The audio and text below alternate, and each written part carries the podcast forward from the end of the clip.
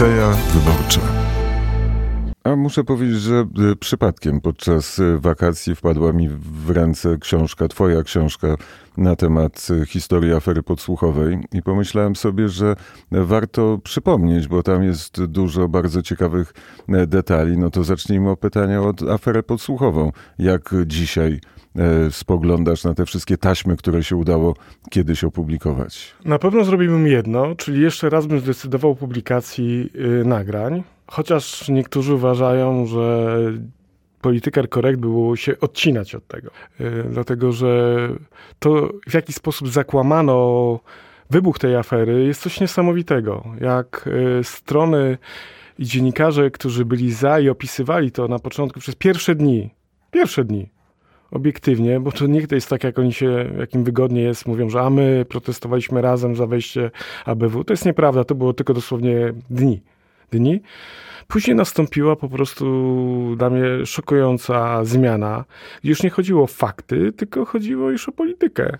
Bo nagle y, strona wtedy rządząca zorientowała się, że ta afera e, absolutnie podkopuje ich e, system rządzenia. Dziennikarze się zorientowali, że jeżeli zostanie podkopana władza Platformy Obywatelskiej i PSL-u, to oni też stracą e, te wszystkie wpływy, które mają. Tak, tak. Pamiętacie może tę konferencję premiera Tuska, na której Monika Olejnik wsiadła na, na Tuska. Chcę wam powiedzieć, później kilka godzin później została mogę chyba powiedzieć, opieprzona przez nieżyjącą już panią Paradowską. No i się wszystko nagle zmieniło. Później właściwie co, co, co, co kropkę nad i to moje nazwisko, moja postać była szargana. Yy,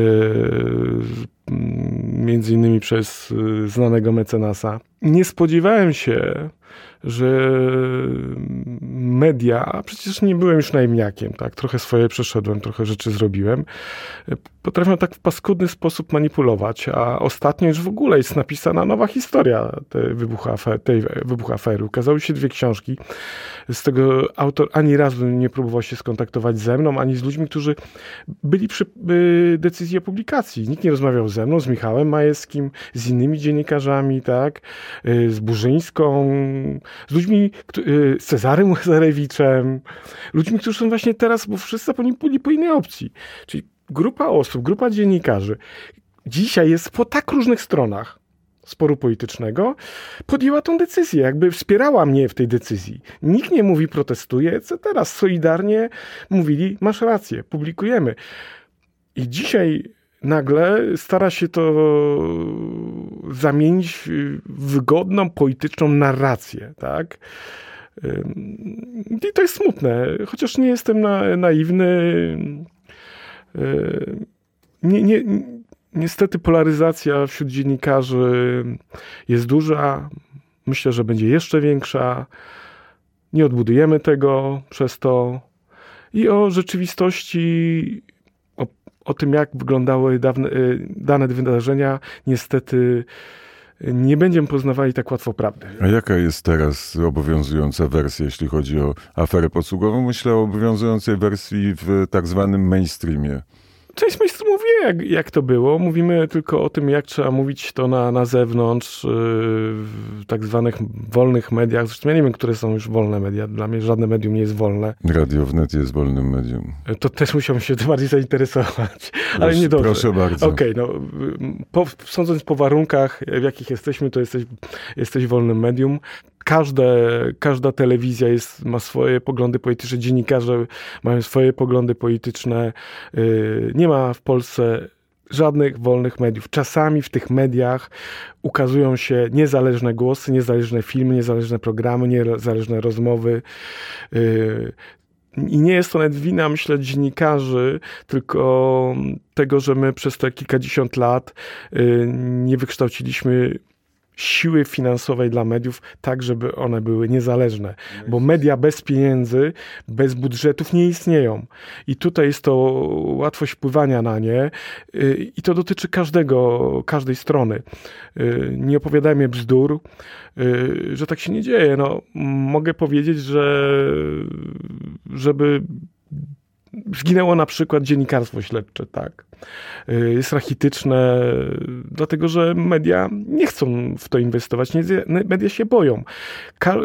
Właściwie każdą publikację dziennikarską można od razu zdławić y, procesami, które kosztują. Na to trzeba mieć adwokatów. To jest nieważne, czy się prawdę napisało. Dużo tak? miałeś procesów? Wiesz co, miałem dużo. Za czasów wprostu była taka tygodnika wprost, to była lawina. Zresztą ja nie dostawałem tylko za swoje teksty, ale za dziennikarzy, bo, bo y, to nawet było tak, że dziennikarzy nie, nie karano za ich teksty, tylko mnie jakby pociągano. To była, ja powiem ci inaczej, bo mi to adwokaci powiedzieli. Ludzie, których znam też politycy tej drugiej strony, w pewnym momencie powiedziano, zamęczymy Latkowskiego, zastraszymy go, bo jak on będzie w sumie chodził na te procesy, to on będzie ja kiedyś pamiętam, że to były kwoty już w milionach złotych, jak podliczyłem kiedyś tak y, na szybko, że, że chciano mnie w ten sposób no, zastraszyć, bo powiedzmy, że slap to nie jest tak, że obowiązuje tylko i wyłącznie tytuły y, Gazety Wyborczej, Okopresu i, i opozycyjnych dziennikarzy, ale dotyczy to też innych dziennikarzy. Jeżeli ktoś stosuje metodę nagminnego podawania do sądów,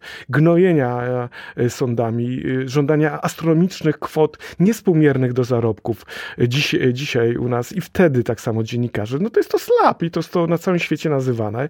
I nie jest to tak, że jedna strona tylko krzyczy, my jesteśmy gnębieni. A my mamy jeszcze inną sprawę. Upolitycznienie sądów, ta nieudana reforma yy, nie zmieniła tych sądów, wręcz doprowadziła do polaryzacji w sądzie. I ja miałem takie przykłady, że ja już od razu na pierwszej rozprawie wiedziałem, że ja oberwę i dziennikarzy za teksty. Bo wiedziałeś, bo kim wiedz... jest pani, która tak, sądzi. Do, dokładnie. I co więcej, jak ktoś zajrzał w te akta tych sądowe, to za na pierwszym posiedzeniu, drugim było już od razu moje oświadczenie, że widzę, że już jest wyrok, to po co my to robimy? Proszę to dać. No tak to wyglądało.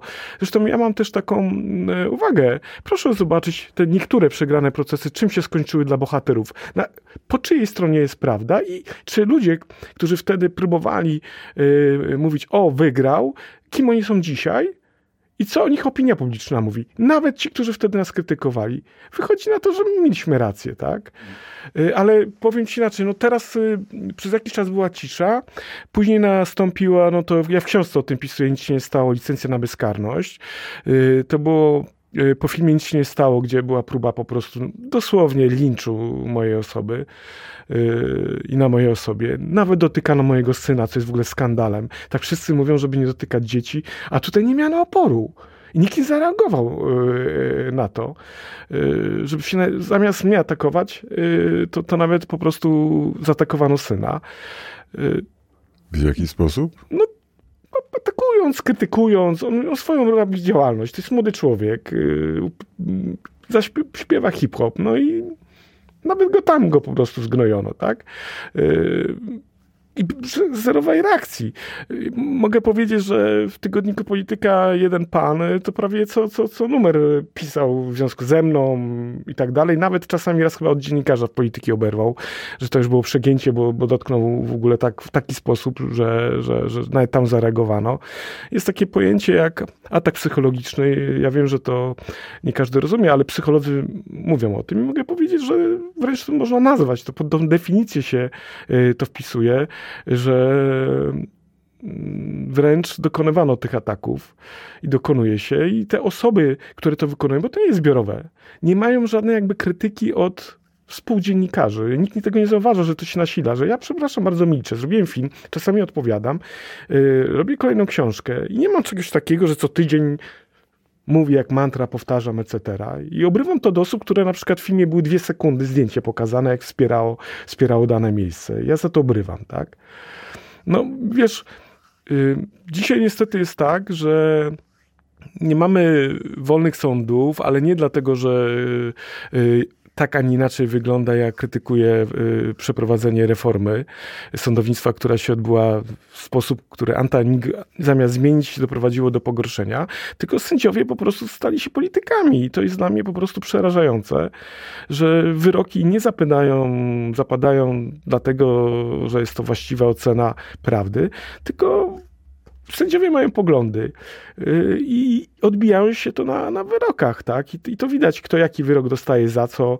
Y, mamy masę przykładów. Y, zresztą powiem inaczej, no kurczę, jak to jest możliwe, że ciągle ten artykuł 212 istnieje? Co chwila się o tym mówi, a najczęściej się mówi przed wyborami.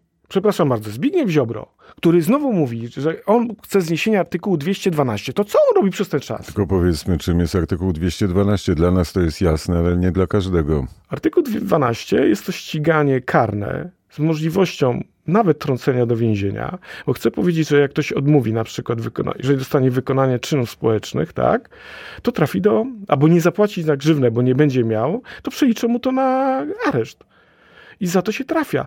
Y, Europa jest przeciwko temu. Europejskie prawo mówi nie. Y, U nas mówi się o tych zmianach, ale to tylko jak wybory są. I za każdym razem partia opozycyjna y, mówi o tym, że zniesie artykuł 212 i go nie znosi wtedy, kiedy przejmuje, e, przejmuje e, władzę. Ale wróćmy do, do afery podsłuchowej, bo to, co mnie w tej książce właściwie nie tyle zdziwiło, ale co mi przypomniało, jaka jest rola agencji PR-owskich w całych e, tych procesach, czy twoim konkretnie procesie, czyli afera e, podsłuchowa i publikacja taśm, a tak e, naprawdę jaka jest rola agencji PR-owskich i czarnego PR-u w Polsce? jest niesamowita, można powiedzieć o mafii PR-owskiej. To jest coś niesamowitego, jak doszliśmy do sytuacji, że PR-owcy mają media w garści, że PR-owcy zakładają media i przeciętny czytelnik, słuchacz, widz nie wie o tym, że za tymi mediami stoją pieniądze PR-owców, bo to są ich media, ich zbudowane media. I to do tego chodzi. Jak PR-owcy y, są przez lata PR-owcami, nagle mówią, dobra, rzucam PR i przychodzę znowu y, i, i, i będę robił podcasty, będę prowadził medium. No kurczę, no doszliśmy do takiej sytuacji, że zatarło się to wszystko, tak?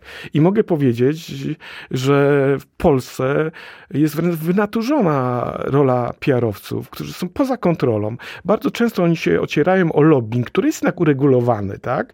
I chociażby ci PR-owcy powinni być ścigani za wykonywanie działań lobbystycznych, nie zgłaszając się jako lobbyści w Polsce, bo prawo do lobbingu istnieje. Nikt, nikt, ja nie słyszałem o żadnym procesie za to yy, w stosunku do PR-owców. Yy, no, ja znam historię konkretnie yy, konkretnych PR-owców, którzy każdej właściwie sprawie się pojawiają. I, I to uchodzi. Zresztą, jeżeli mamy taką sytuację, że PR-owcy razem wyjeżdżają na wycieczki organizowane przez organizację dziennikarską, na wczasy, na ferie. No, coś tu jest nie tak. Jeżeli ja u PR-owca widzę legitymację dziennikarską, to też mówię, że coś jest nie tak. Że to mogę powiedzieć, nie będę się akurat znęcał, że ja potrzebowałem pilnie, ponieważ za granicą robiłem pewien temat i potrzebowałem legitymacji dziennikarskiej, niby wtedy we wproście, nie miałem swojej właśnie żadnej redakcji, yy, bo w Polsce mi jest to jakby niepotrzebne, no bo jakby sądy nie kwestionują instytucje, że ja jestem dziennikarzem, bo mój dorobek i cały czas zajmuję się tylko, piszę książki, robię filmy i artykuły, w związku z tym nie mam tego problemu, że mówię, panie Radkowski, proszę pokazać nam legitymację dziennikarską, ale ja potrzebowałem wtedy tej pilnie dziennik, dziennikarskiej legitymacji. Poprosiłem się o tą instytucję dziennikarską. Nie jest to SDP oczywiście, o pilne, żeby mi pomogli, pomogli akurat. Usłyszałem, że nie trzeba dwóch członków prowadzących, etc., że to nie jest takie proste. Ja mówię, kurczę, ale ja znam przedstawicieli PR-owców, firm PR-owskich, którzy mają legitymacje dziennikarskie tejże instytucji. Nie? Doszliśmy naprawdę do sytuacji skrajnej, że pieniądze zaczynają po prostu rządzić akurat w mediach.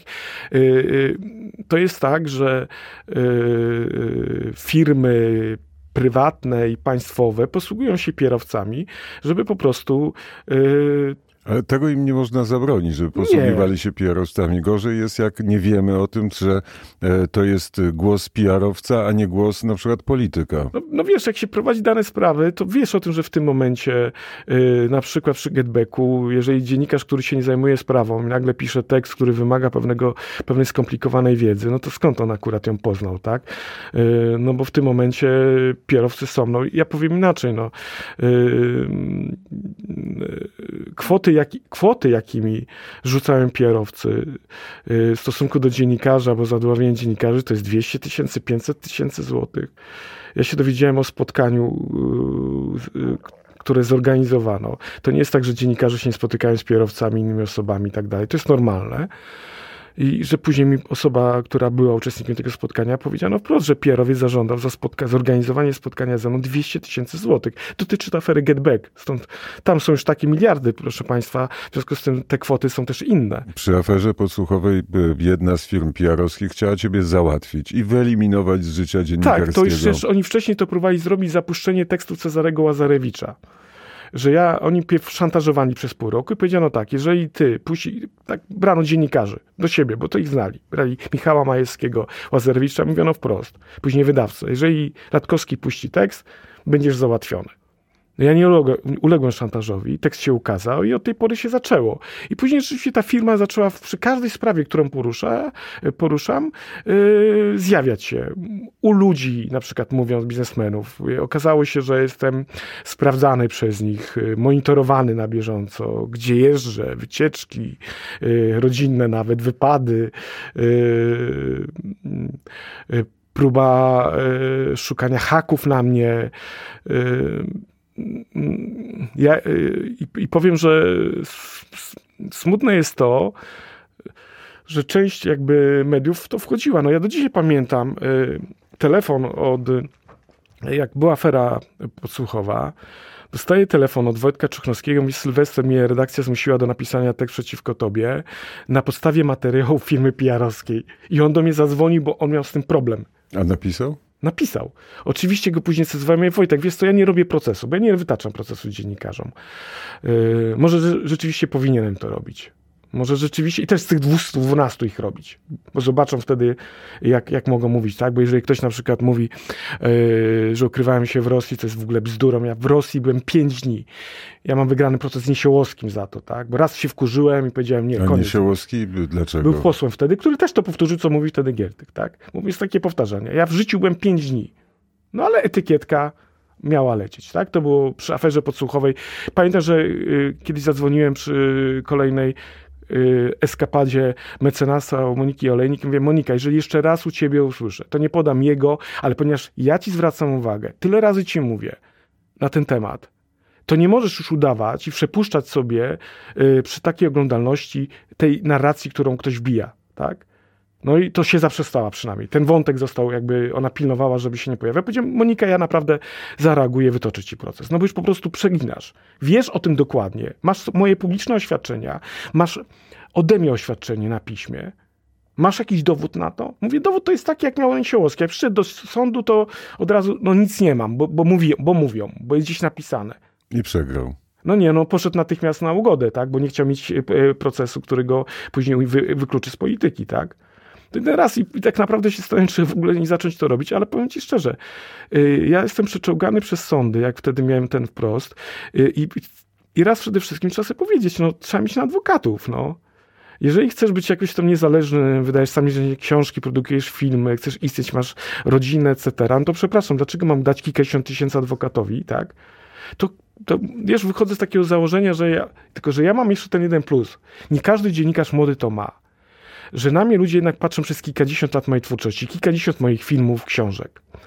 I to jest problem, może myślę też wielu ludzi. Jak oni mnie zaatakują, jak jest jakaś afera, oni mi wtedy zawsze mówią o, o mojej przeszłości, o mnie, y, to ludzie pamiętają mnie z różnych filmów, z różnych dzieł. Mogą się nie zgadzać ze mną, ale y, jakbym ja kilkadziesiąt lat pracuję na tym, że pokazuję, że ja jako człowiek popełniłem kiedyś w życiu błąd, ja się zmieniłem i robię Y, robotę dziennikarską, która już teraz właściwie staje się już y, no, czymś no, no rzadkim, tak?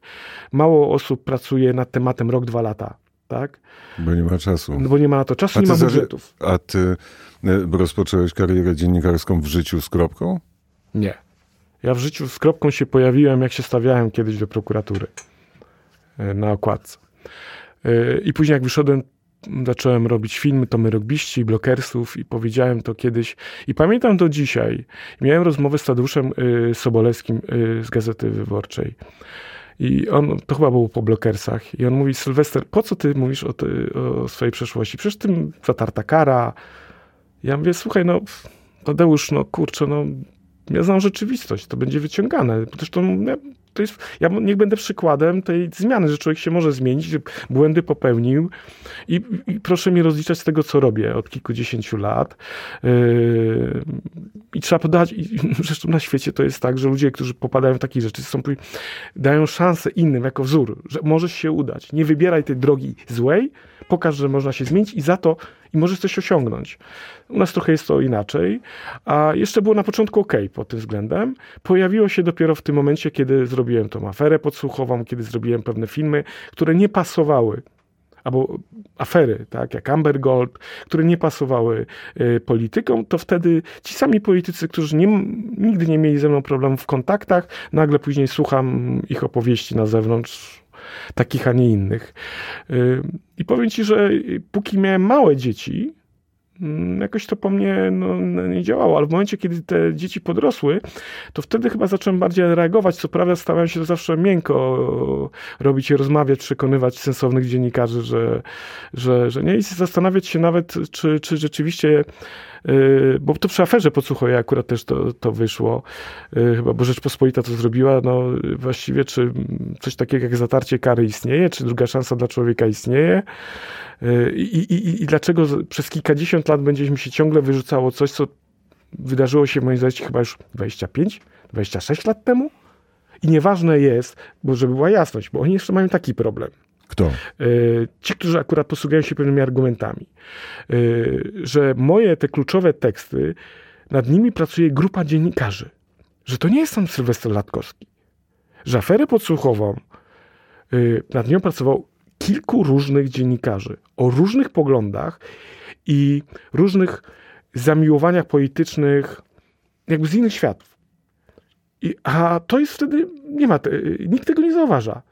Tak? Bierze się wtedy go Latkowskiego i ma z głowy się. A ci, a ci co, y, co robili w tym momencie? Nie zauważa się tego, że oni się też podpisali pod tym tekstem?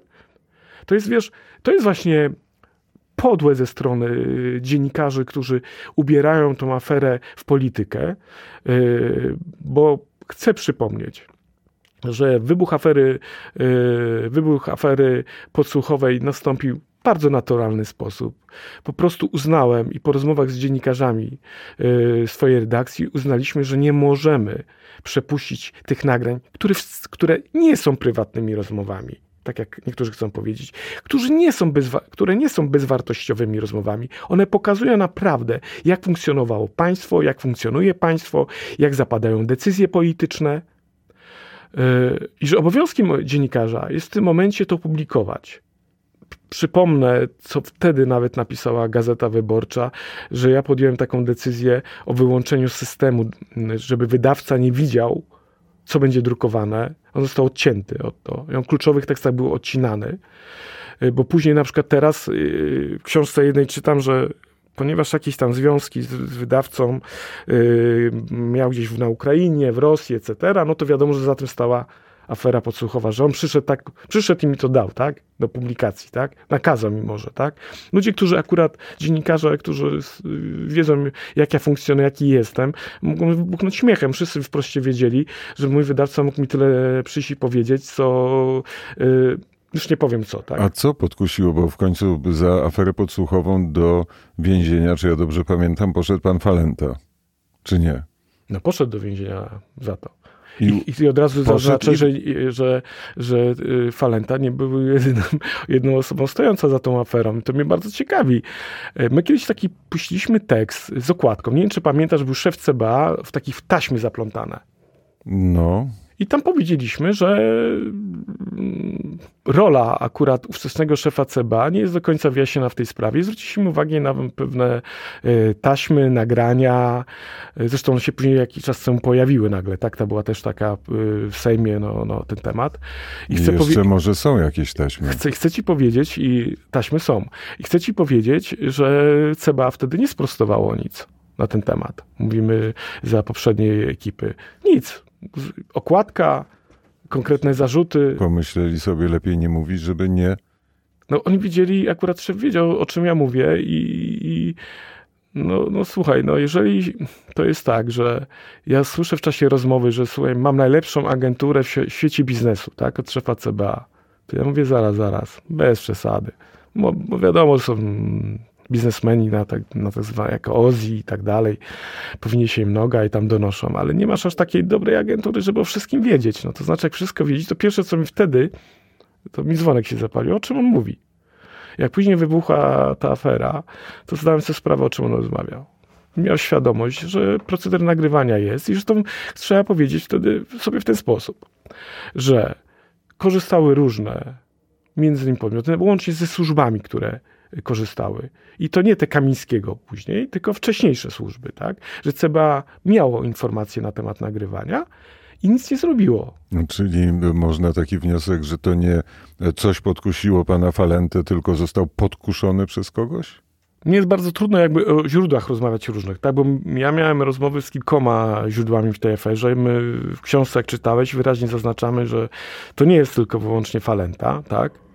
Yy, wiemy o, o ja wiem o kilku osobach. Ja wiem nawet, że yy, te osoby nigdy nie były na radarze no, ówczesnej ekipy. Pan Sienkiewicz, yy, grupa śledcza i prokuratory, prokuratury, no jakoś jakby tą sprawę zakończyła na, na, na, na, na falencie nowa ekipa, nowa ekipa też jakby uznała, że sprawa jest jakby zamknięta.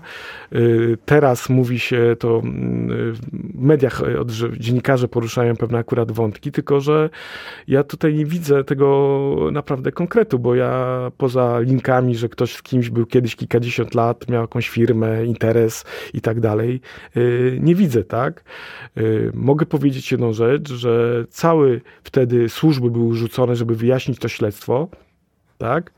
Nikt nie hamował pana Sienkiewicza, nikt nie hamował specjalnie powołaną grupę w komendzie głównej policji, która się składała z, z przykrywkowców, y, ABW, policjantów, różnych służb.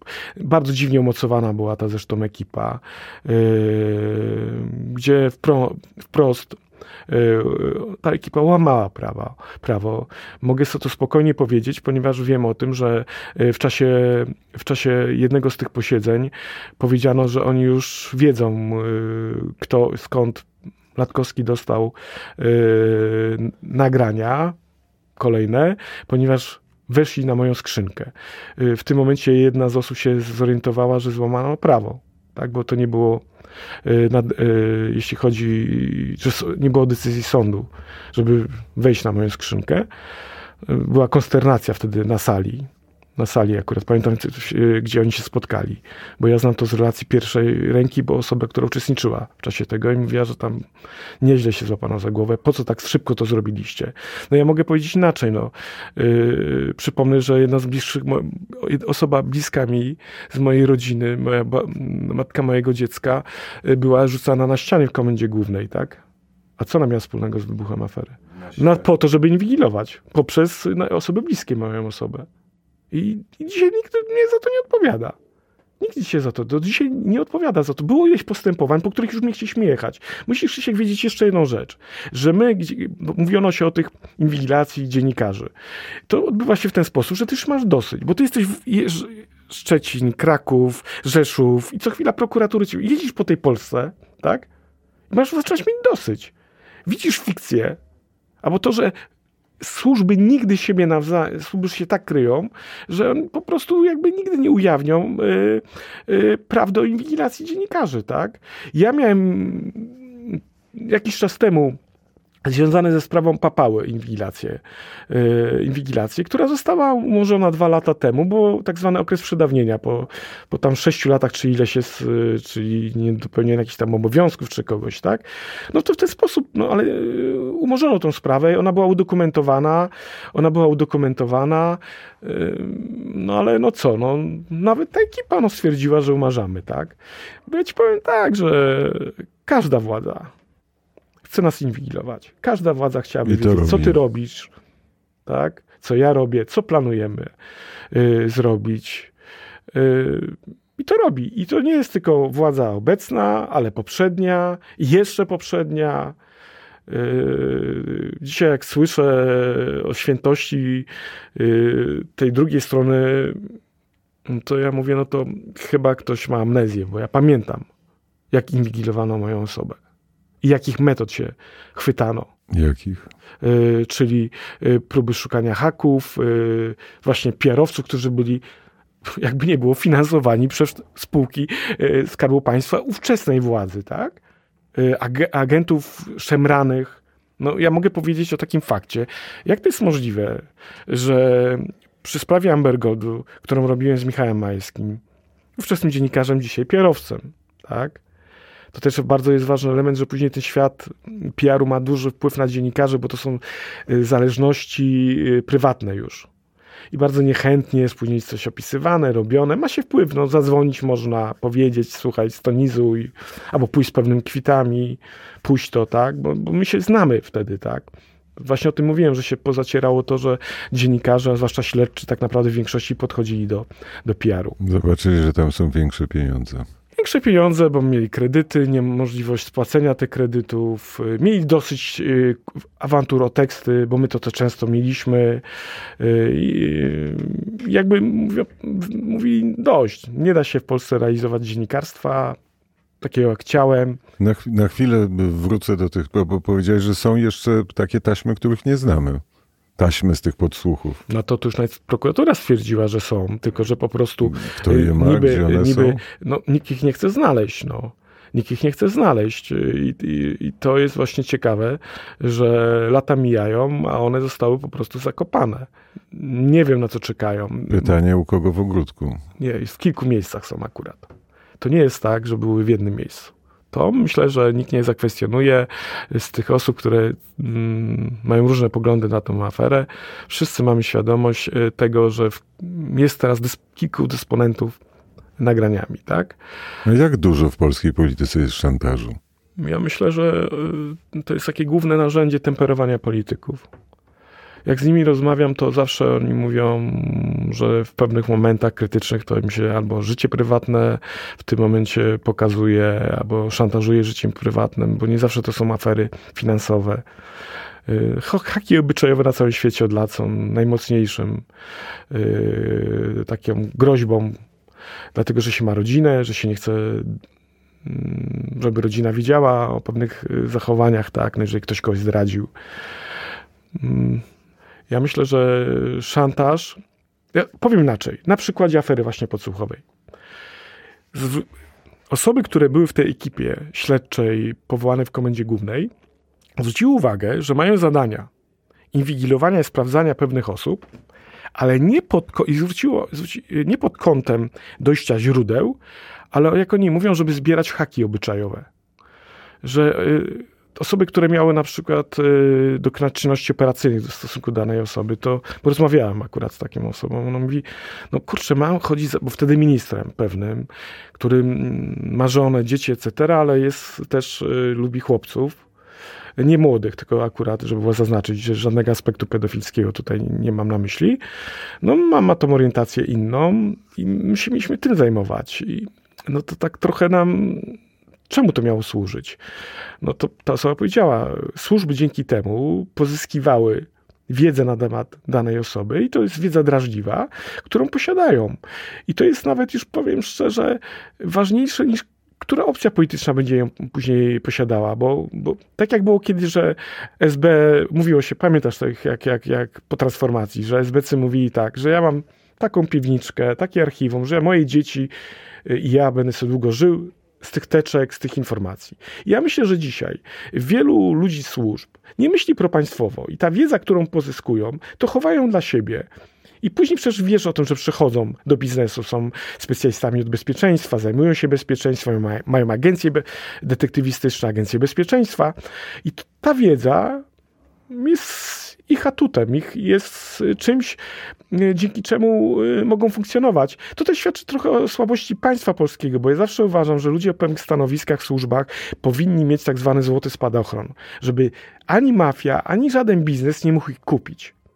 Ponieważ zarabiają małe pieniądze, yy, małe pieniądze w skali łapówek, które mogą wziąć, bo ludzie muszą mieć tego, tego świadomość, że to coś może się wydawać dobrym zarobkiem. Wcale tak nie jest dobrym zarobkiem, bo ci ludzie są, widzą te bogactwo, oni obcują z tym, tak? I oni powinni być naprawdę wysoko y, wynagradzani. To później, jak odchodzą ze służb, też powinny być firmy, tak jak jest to na Zachodzie, jak jest to w Niemczech, Stanach Zjednoczonych, że oni są zatrudniani na wysoko płatnych stanowiskach. I wiedzą, że mają dobrą emeryturę. nie muszą emerytura... się skorumpować, nie muszą drugiej strony przechodzić na drugą stronę.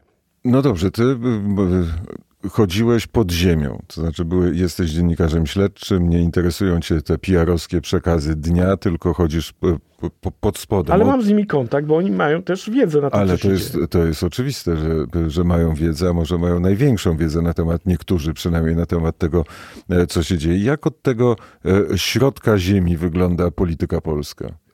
Te korzenie polskiej polityki. Jak ona się rozrasta? Jak, jaki to jest pesz, jaki to jest system e, naczyń po, korzeni, korzeniowy system połączony? Że część sporu politycznego jest fikcją. Ja zawsze mówię, że nie ma już afer politycznych. Tak jak ktoś próbował zrobić aferę Getback polityczną aferą, to zauważ, już nikt nie chce komisji śledczej, nie? Bo? Zaraz do tego przejdziemy. Bo, bo chcę ci powiedzieć, że, że biznes stał się apolityczny od lat. Afery finansowe, afery gospodarcze, okazuje się, że w tych aferach odnajdujemy ludzi z różnymi legitymacjami albo bliski, bliskimi różnym osobom, różnym politykom. I nie, nie, nie ma czegoś takiego jak afera gospodarcza, finansowa, polityczna. To już od lat tego, tego nie ma. No to jest, to wiesz, to jest później problem, na przykład chcesz zrobić na przykład y, film y, lub jakiś y, materiał o skokach, a się okazuje, że, że wcale to nie jest tak, że to jest PiS tylko i wyłącznie, bo znajdujesz ludzi z drugiej strony. To samo jest w Getbacku. no, pani, pani związana z Platformą Obywatelską jest co chwilę teraz karana, wychodzi. Kornasiewicz na przykład. No to jak ona ma, co ona wspólnego z PiSem, była, tak? Była kiedyś ministrem. No tak, chyba. i co ona ma wspólnego z PiSem, tak? A jest bardzo ważną osobą w tej, w tej, tej sprawie, tak? I nikt o niej już o niej mówi. Została ukarana przez KNF. Yy, martwi mnie tylko to, że, że wiele osób tylko zadawala się śmiesznymi, no jest, my, my się zadawalamy śmiesznymi karami dla tych osób, 70 tysięcy dla tych osób, to, to, to nie powiem, co to jest. Dla nas to są potężne pieniądze, dla tych osób przy, przy takich y, stawkach, zarobkach, jakie posiadają, to, to jest nic. I wiesz, y, co jeszcze jest takiego, to to, że y, jak, jak jak teraz na przykład złote żniwa mają yy, pierowcy, tak? Y, bo wybory to jest ten, ten, ten okres, y, że każda partia rzuca wszystko, żeby docierać do mediów, żeby wpływać na media, na dziennikarzy y, i oni teraz mają po prostu złote żniwa złote żniwa, tak? Też przy okazji pompują głupimi informacjami swoich decydentów.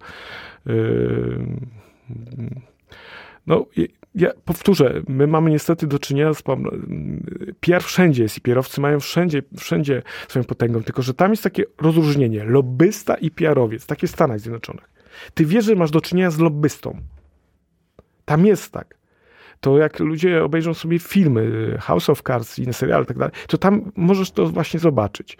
A u nas jest tak, że ten PR-owiec, który właściwie przekracza wszystkie granice, granicę, jest właściwie lobbystą, y, nagle dysponuje budżetem, y, który służy tylko wyłącznie temu, żeby zakłamać rzeczywistość, tak? To jest PR-owiec, ale PR-owiec jest instrumentem, dostaje jest najemnikiem, żołnierzem najemnym, który wykonuje pracę. Sznurkowi Dostaje, są, no ale sznurkowi są ciekawi.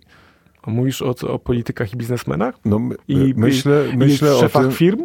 Myślę o tym, że no, może jest tak, że są sznurkowi, którzy pociągają za sznurki, tu jedni, tu drudzy, tu trzeci, a my uczestniczymy w takim teatrze, który, e, w, w którym dzieją się rozmaite rzeczy, ale... Ja nie... na przykład y, bardzo już selektywnie oglądam wiadomości, czytam pracę.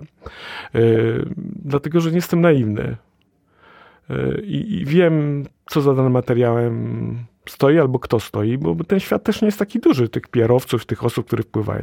Ty też ich znasz. No to jest, to jest to niestety nasza, dla nas myślę, że bardzo coś złego, bo nam jest trudniej funkcjonować w polskiej rzeczywistości, bo mamy za dużą wiedzę, tak? bo, bo znamy tych ludzi, którzy byli pierwszy dziennikarzami, później kierowcami, politykami. No, przez kilkadziesiąt lat poznaliśmy ich i, i my już nie jesteśmy tak naiwni, a, a, a to są osoby, które po prostu robią mgłę, yy, gdzie ta prawda jest zatopiona i, i, i dostajemy tylko te, te, te, przekazy, no, które mają być. Ludzie w to akurat no, nie mają wyboru, zwłaszcza młodzi. Całkowicie są podatni na, na, na, na, na, na, na, na, na wpływ. No plus pamiętaj jedną rzecz, teraz są socjale. Każdy z nich ma podcasty, różnego rodzaju podcasty, tak? Y, y, podcastaki, podcastaki, mało osób o tym wie, że za tym stoi firma PR-owska, tak? Albo PR-owcy bezpośrednio, tak? Ktoś finansuje to. W ogóle nie mają ludzie tego świadomości, tak? Y, a socjale dzisiaj to jest potęga. I, młodzi ludzie, nie mając możliwości weryfikacji, tak? Bo kto ma zweryfikować? Przepraszam bardzo. TVP i TVN ma zweryfikować cokolwiek? Jak? to jest, są i kropka w kropkę. Jak mi ktoś mówi, że y, TVP Info jest patologiczne, wiadomości są patologiczne, to powiem, że fakty są patologiczne i programy y, śledcze są też patologiczne. Mogę bardzo pro, na prostym przykładzie, na czym polega, na czym polega manipulacja tej strony, która mówi, że oni robią niezależne dziennikarstwo, tak? To chcę powiedzieć jedną rzecz. Nagle przez przypadek ktoś mi, słuchaj Sylwester, obejrzyj sobie taki program czarno na białym o rzeczniku praw dziecka. A ja mówię, co mam oglądać? Nie, nie, zajmowałem się nigdy. Pamiętam tylko, że jak był film Nic się nie stało, dostałem propozycję udziału w konferencji prasowej i odmówiłem. Tak? Jakoś nie widzę, żeby druga strona odmawiała udziału w kampusach, nie kampusach, innych e, konferencjach. Ja uważam, że dziennikarze nie powinni uczestniczyć w takich rzeczach, jeżeli mienią się, znaczy oni, każdy dziennik ma swoje poglądy, ale ja uważam, że to jest jednak już konkretna manifestacja, tak? Manifestacja poglądów. I te bratanie się jest już konkretne. I ja oglądam ten nagle materiał i ku mojemu zdziwieniu połączono to jakąś klamrą. Yy, nic się nie stało. Z rzecznikiem, którego nie atakują, tym czarno-białym.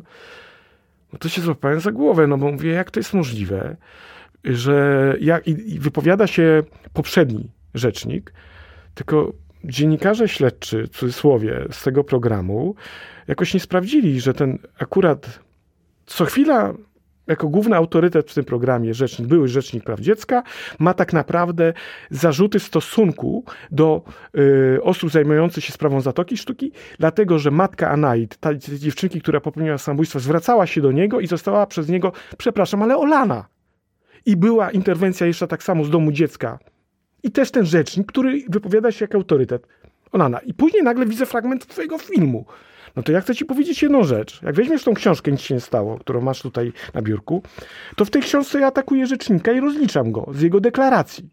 A odbiorca tego programu pomyśli, że Latkowski fiestuje tego nowego rzecznika. A ja go w tej y, książce wręcz zwracam uwagę właśnie na to, że zobowiązał się do rozliczenia tego rzecznika, który jest bohaterem teraz dla stacji. I nie e, zrobił tego. E, nie zrobił tego. Go też rozliczam. Ale kto obrywa? No dziennikarz, który za przeproszeniem nie stoi po żadnej opcji. A po drugie też niech, jak może na, dana stacja robić z bohatera rzecznika, który akurat dał ciała w tej sprawie?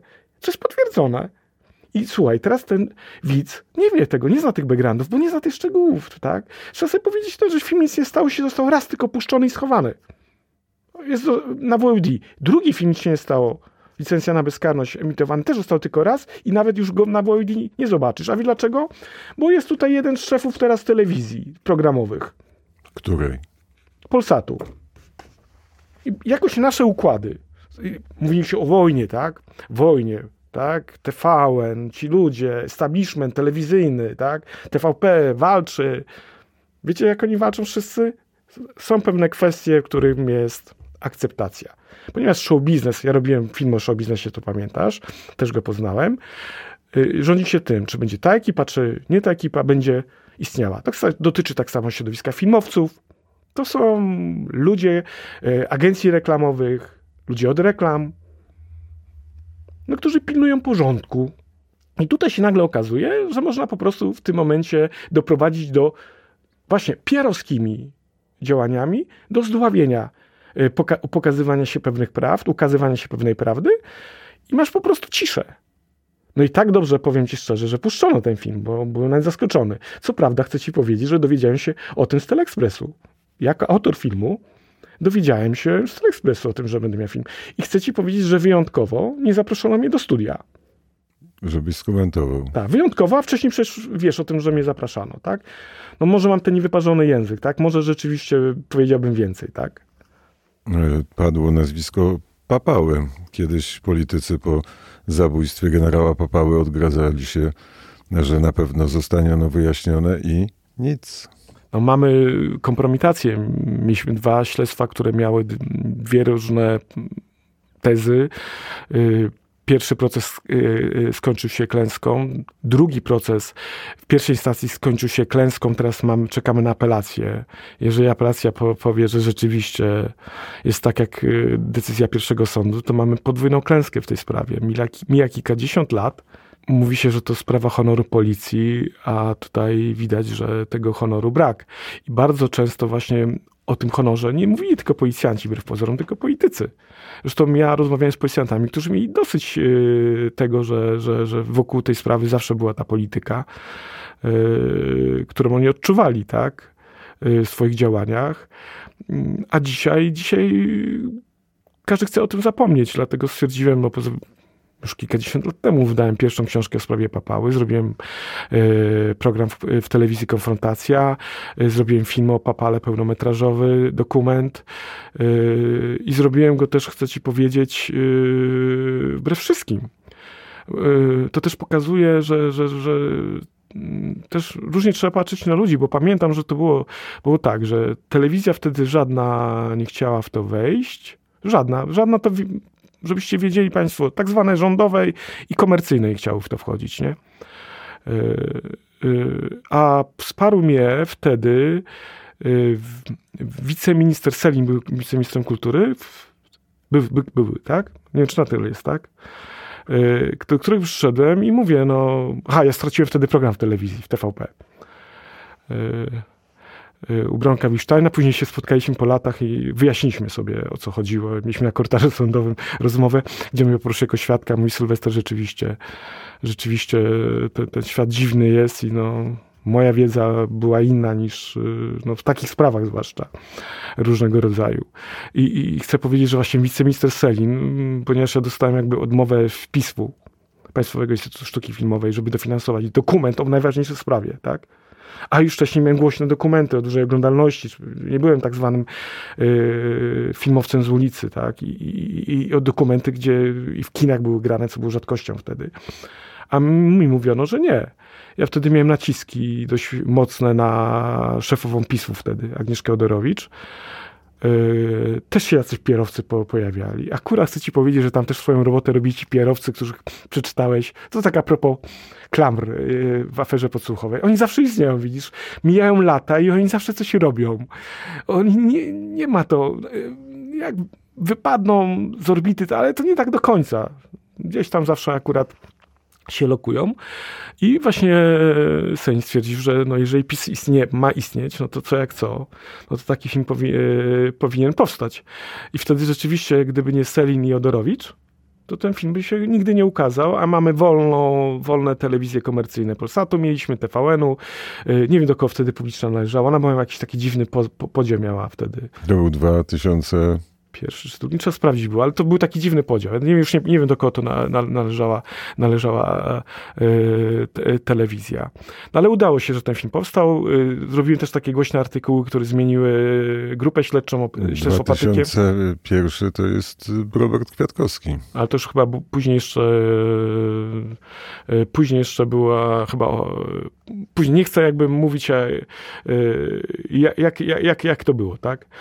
No ja generalnie trochę tych w telewizji poznałem, te, te zmianę ekipy i mam swoje jakby akurat zdanie. Mogę też powiedzieć jedną rzecz, y, że telewizja w dużej części jest niezmieniona, ponieważ ten tak zwany średni szczebel, te, te, te tak zwane osoby no, trwają, no to powinieneś wiedzieć, no, to wszyscy o tym mówią. Przychodzi nowa ekipa i, i tam mówi, że to jest nie do zmiany, tak? Jeżeli ktoś myśli, że, że, że, że, że, że to jest na przykład telewizja Kurskiego, teraz Mateuszkiewicza, wcześniej to telewizja była Brauna, no to ja chcę powiedzieć, że ten, te, te, ta część taka no, średnia, to tam każdy, każdy ich zna, oni się tam zawsze jakoś dobrze czują. No niestety mamy, mamy, mamy taką, taką inną sytuację medialną. Powiedziałem ci, że problemem jest tego, że my jesteśmy jednak jeszcze krajem o małych doświadczeniach demokratycznych, w sensie czasu, kształtowania się demokracji, kształtowania się mediów i tego. I też na przykład ja zawsze mam pretensje do biznesu, który już trochę zarobił pieniądze. I się mówię o tym prywatnym biznesie. Dlaczego ten biznes nie myśli, żeby finansować wolne media, wolnych dziennikarzy, niezależność, tak? Yy, dlaczego nie myślą o tym, żeby, żeby, żeby, żeby tutaj ułożyć pieniądze? Że tak? to w ich interesie. Oni wolą wynajmować, wynajmować wtedy PR-owców, zapłacić im kasę i PR-owcy przyniosą swoje, tak? Ja miałem kiedyś PR-owca, który mi powiedział, słuchaj Sylwester, Udowo- chciałem kiedyś komuś udowodnić, że mam wpływ na dany tytuł. Bardzo znany tygodnik opiniotwórczy. I mówi, że rozmawiał wtedy z wysoko pozycjonowaną dziennikarką w tym tygodniku i powiedział, że załatwi tekst. I załatwił. I załatwi ten tekst.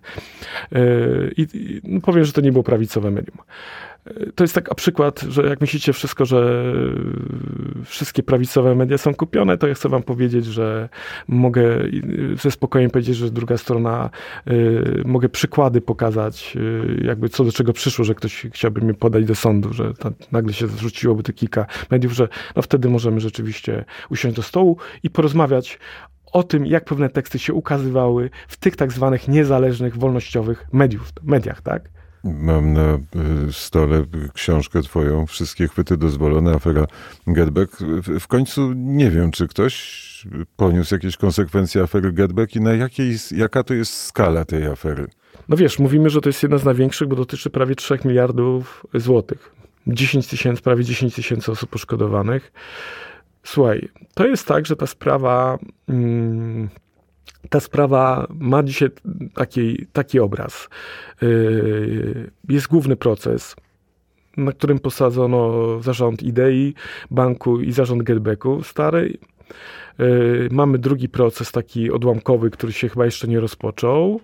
I mamy procesy pojedynczych pracowników banków. Yy, ale czy to rozwiązuje sprawę?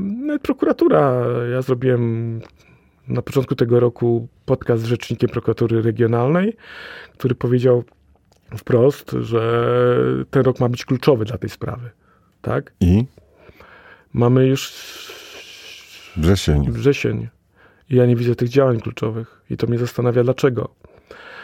Yy, mogę za to powiedzieć, że zadałem pytania miesiąc temu do prokuratury, yy, pytanie do prokuratury o wizycie pewnego właśnie pierowca, który przyszedł na spotkanie do prokuratury? Do prokuratury. Ku mojemu zdziwieniu, ze stroną jedną z, z tej sprawy i ku mojemu zdziwieniu to miało miejsce. No ale na końcu, jak się zajmujesz sprawą, to jest pytanie, w czyjej kieszeni wylądowały pieniądze. Ktoś je stracił, ktoś je zyskał. Ja chcę ci powiedzieć, że to jest jedna z tych afer, gdzie ludzie mogliby odzyskać pieniądze. Jeżeli ja wierzę w tą część w prokuraturze, tam jest takie pęknięcie, no tam jest wieloosobowy zespół. I myślę, że u szefostwa chyba jest też pęknięcie. Ja myślę, że oni też spostrzegli, bo ja pamiętam, jak wcześniej rozmawiano na temat pewnych wątków tej sprawy. Ja liczę, że ta część grupy w prokuraturze i szefostwie prokuratury dojrzała do tego, żeby tą sprawę yy, wreszcie mm, doprowadzić do takiego finału, yy, który się skończy tym, że te pieniądze będą zwrócone ludziom, a nie pozwolimy, żeby w portfelach zostały gdzieś tam po prostu utopione, bo, bo tak, tak naprawdę... Ale zwrócone ludziom w znaczeniu, że my za to zapłacimy nie, państwo właśnie polskie, o to mi chodzi, czyli... to odzyskać portfele, bo ta firma zajmowała się windykacją długów. To jest to ten plus. I te portfele trafiły w konkretne miejsca i teraz są po prostu sprzedawane.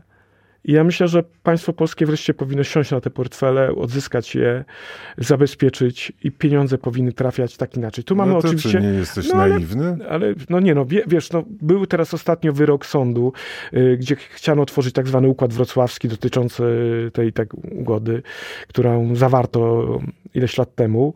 No niestety sąd stwierdził, że układ jest należycie wykonywany. No są pewne niedoskonałości. No i jak można powiedzieć, że stoimy w miejscu. Powiem inaczej, bez rozliczenia tych, którzy do tej pory używali właśnie pierowców, bo chcę ci powiedzieć, jak mówisz o pierowcach, to, to pierowcy pracowali nad tym, żeby y, i wpływali prowadzić y, na telewizję, wpływali na blokadę mojego filmu w kinach odczułem. Ja wiem o konkretnych pierowcach i nawet o konkretnym pierowcu, który, który został teraz jedynką pewnej partii politycznej. Y, no, to też masz przykład. Z pierowca staje się politykiem i jestem jedynką na liście jednej z partii politycznych. Myślę, że dla słuchaczy przeskanowanie jedynek jest kilka partii. Kto był pierowcem, będzie jasne odgrywał czynną rolę przy tej sprawie, obsługując dwa podmioty. Nikt, nikt, tego, nikt tego tak naprawdę nie, nie... Nie chcesz wymienić nazwiska. Wiesz co, bo ja bym nie chciał zamieniać to teraz, bo w ten czas wyborczy, że ja to robię z zemsty, żeby jego politycznie osłabić jego e, wizerunek, bo jak chcę ci powiedzieć, że ja się nie zajmuję polityką. No, ja się zajmuję polityką w ten sposób, że czasami wpadają no, w tych aferach, w, w tych sprawach, no, wychodzą e, politycy, tak? E, I to nie jest tak, że oni wchodzą w sposób błahy, bo, bo, bo, na przykład wszyscy mówią, że Sławek e, Nowak poległ za zegarki. To jest bzdura. My w tych tekstach zegarki to były jednym z elementów. Tam pisaliśmy o tym, o tym co się działo w PKP, o jego związkach z firmami pierowskimi, marketingowymi. O tym są te teksty. Proszę je zobaczyć. Nie tylko okładka. A to, że on wpadł na, jak to się mówi, no, na takiej błahostce prawnie, że nawet życzliwa mu, można powiedzieć wtedy, prokuratura nie miała wyboru i musiała postawić zarzut za zegarki, a mogę ubolewać, że za coś innego nie. Zresztą między innymi te tak zwane lekceważone taśmy mówiły o, o rozmowie z Parafinowiczem, szefem tak. do ścigania skarbówki, o podatkach, tak? Wiesz, jakoś y, twoich i naszych podatków, mi się szefowie skarbówek z politykiem nie rozmawiają, nie, nie rozmawiasz, że twoja żona ma problemy podatkowe, ty pomóż mi rozwiązać tę sprawę, tak? I to były ta, tak zwane prywatne taśmy, tak? Według nich. Które nie miało prawa ujrzeć światła dziennego. Dzisiaj byśmy o tym nie wiedzieli. A powiedz, ta ustawa o NBP, ona przeszła tak, jak rozmawiali o tym e, Sienkiewicz z Belką? Nie, to myślę, że myślę, że w ogóle ta, te taśmy uspokoiły wiele działań, tak? E, publikacja tych taśm. Zresztą ja powiem inaczej. Sam Tusk przyznał, że, że, te, że te taśmy nie są, nie, że mają znaczenie, skoro kazał wyeliminować każdej, każdą osobę z rządu, która miała, pojawiła się w tych taśmach. Czyli uznał, że to nie, są, nie jest bzdety, tak? że to nie są bzdety. Tak? No i by, by skorzystał z okazji, wyjechał do Brukseli. No tak, to, to myślę, że zdał sobie sprawę, sprawę z tego. Zresztą myślę, że oni wtedy jeszcze nie wiedzieli, co będzie dalej. I to jest ten problem afery taśmowej, że ona nie została jakby rozliczona w ten sposób, że te wszystkie, że część tych taśm jest i ona nadal pełni e, funkcję komprom, e, kompromitującą ze względów obyczajowych, bo na tych e, nagraniach też są obyczajówki i one służą do szantażowania w różnych biznesach i biznesmenów i polityków, którzy wtedy się na tych nagraniach pojawili. No i tak samo biznesmeni, którzy byli też nagrywani. Y, I te obyczajówki są do dzisiaj problemem dla, dla wielu osób, ja rozmawiam z nimi.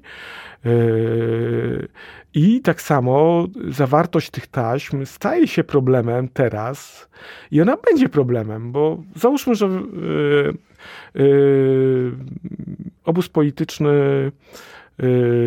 PiSu przegra i dojdą ludzie Platformy do władzy, ludzie PSL-u i inni.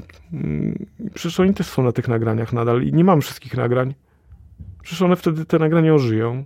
A czy miałeś okazję, żeby z panem Falentą porozmawiać po tym, jak on wyszedł? Bo on wyszedł z więzienia. Miałem z nim y, y, kontakt taki telefoniczny, tak dalej, luźny, miałem pewne poglądy, a, a raczej... Znaczy powiem jeszcze inaczej Miałem kiedyś z nim spotkanie, to już taka anegdota, bo ja nie rozumiałem, co on, co on robi i, i mówiłem, żeby coś, czego on się tak boi tego aresztu tego więzienia. Ja mówię, wie pan, dostał jakiś pan wyrok, dwa lata coś tam i tak dalej. Bardzo szybko dostanie pan na zakład półotwarty, tłumaczy jak to wygląda, będzie pan przepustki miał, wychodzi, jeszcze pan pracę sobie załatwi, to będzie w ogóle tylko nocował. Czego się pan tak obawia, tak? Czy to jest warte robić pewne działania, ruchy, które tylko się obrócą bardzo negatywnie PR-owsko w stosunku do pana wizerunkowo, tak? No, pamiętam, że dzisiaj miał dużego żalu, bo on uważał, że on coś dobrego zrobił, tak? Ja mówię, że y, jest sytuacja taka, że jednak ma pan jednak ten wyrok. Nie, nie potrzeba robić. Nie byłem zdumiony, zdumiony tym, że on po prostu yy, ten, ten, ten, ten eskapadę hiszpańską uciekał. No, miałem z nim kontakt, no, yy, sporadyczny, tak, sporadyczny kontakt. Zresztą on się zamknął po tym wszystkim, tak. Ja myślę, że on też, jak może kiedyś wcześniej rozmawiał chętnie z dziennikarzami, no to teraz yy, unika dziennikarzy, bo ma różne doświadczenia yy, tego, że pewna publikacja dziennikarska wcale mu nie pomaga, y, nie, nie pcha sprawy do przodu i tyle. No, ja, ja bym chciał, żeby on powiedział całą prawdę o tej sprawie, ale jego prawdę, ale ja też wiem, że, że Marek Falenta to przepraszam bardzo, to nie jest ten demiurg tej afery, to nie jest dysponent nagrań jedyny. Mnie interesuje to, co robią z tymi nagraniami, do czego y, potrzebne są nagrania osoby, y, które y, też posiadają te nagrania.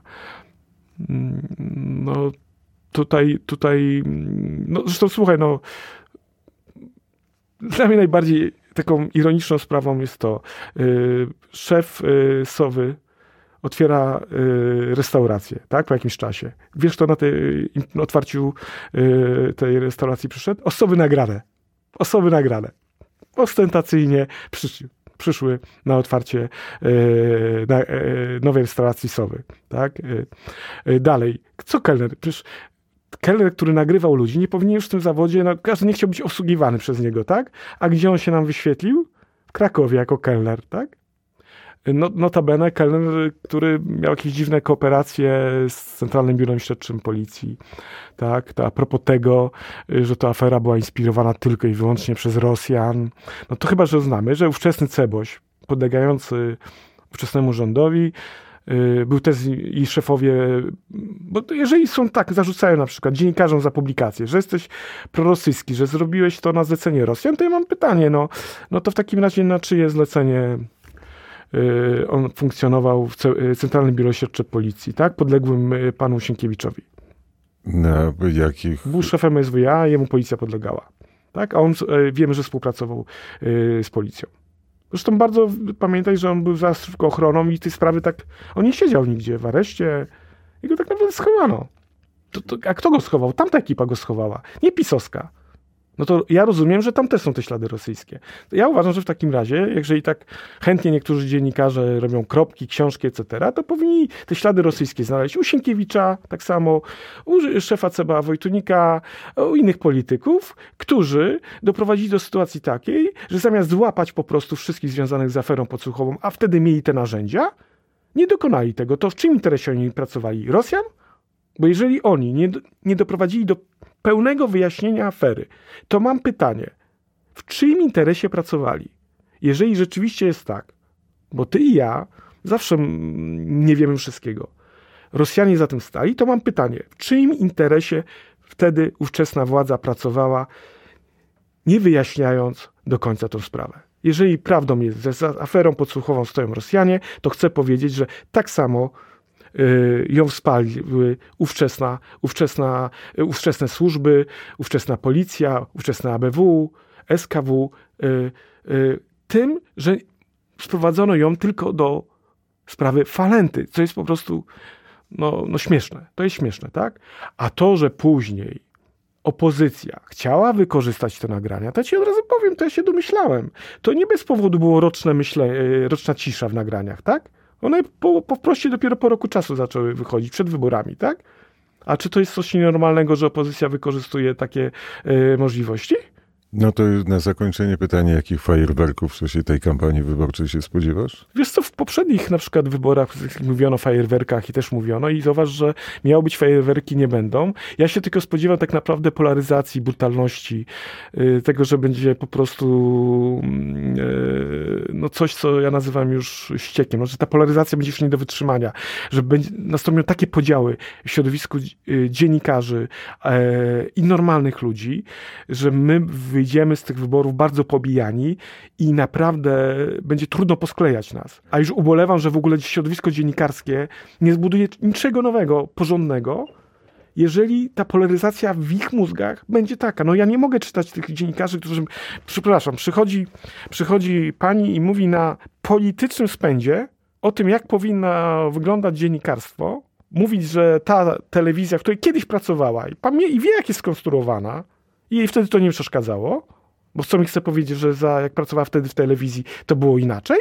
Że biegała z tym mikrofonem i jej spuszczała, co chciała? No to no, trochę umiaru. A jeszcze więcej. Mam pytanie.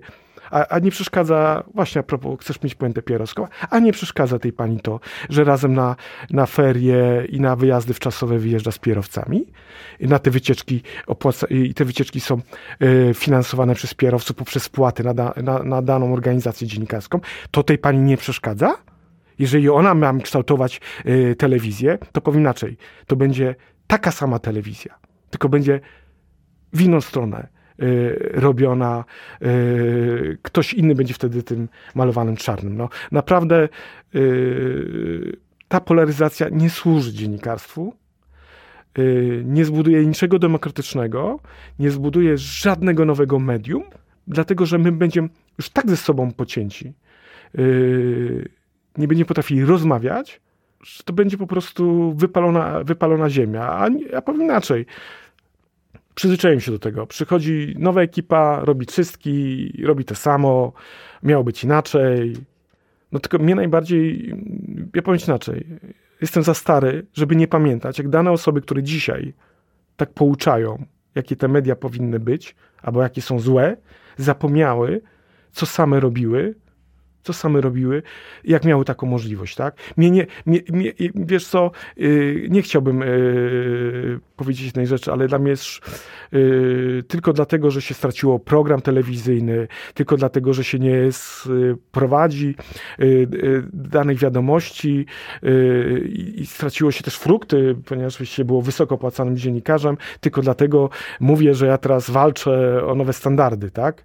O nowe standardy. Nie widzę wtedy w ty, w, u tych osób frustrację, że nie mam możliwości y, zarabiania y, i nie mam tego anturażu, który miałem, tak? I wiem dokładnie, że jak oni dojdą do władzy, to będą po prostu tacy sami, jak ty, których krytykują, tak? A może będą nawet gorsi, bo, bo, bo te, ta frustracja zamieni się po prostu w noc y, y, czarnych noży. Nie wiem, jak te, te określenie te właściwie powinien to, to, to, to powiedzieć. No, ja sceptycznie patrzę na to. Uważam, że mm, my dziennikarze, że właściwie niedługo nie będziemy mieli co zbierać, tak? Zostaliśmy rozegrani przez pierowców, polityków, biznesmenów, a teraz rozgrywamy się sami nawzajem. I to jest smutne. I to jest smutne. Ale nie my.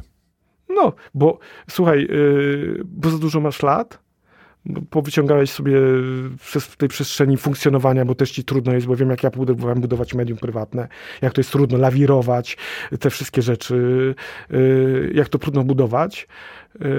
No ale no, no wiem, no słuchaj, no mogę, akurat wiem jedno, no, przyszedłem do ciebie, dlatego że ta książka była zmieczana przez media i filmy. Chcę powiedzieć, że y, te, te media tak zwane, które mówią, że są pluralistyczne, etc., no nie, nie, nie, nie, nie, nie zamknęły się. Ty zaprosiłeś, jeszcze y, Radio Z zrobiło, Mariusz Gierszewski, co zrobi materiał i tylko ty. Reszta mediów, największa afera milcz. A co będzie z filmem na temat skoków? Jestem ciekawy, czy będzie spotkać takie same y, milczenie, jak, jak mój, z tej strony. Czy będzie takie same milczenie? Jak myślisz, będzie takie same milczenie? Nie wiem. Myślę, że będzie promocja, y, będzie oddawany głos. Ja miałem próbę blokowania mnie przez PR-owców, prawników i część mediów, który, którzy chcieli tą prawdę zablokować, a PR-owcy chodzili i mówili dziennikarzom i dawali pieniądze za to, żeby nie mówiono na temat tej sprawy. Bardzo serdecznie dziękuję za rozmowę. Dziękuję bardzo.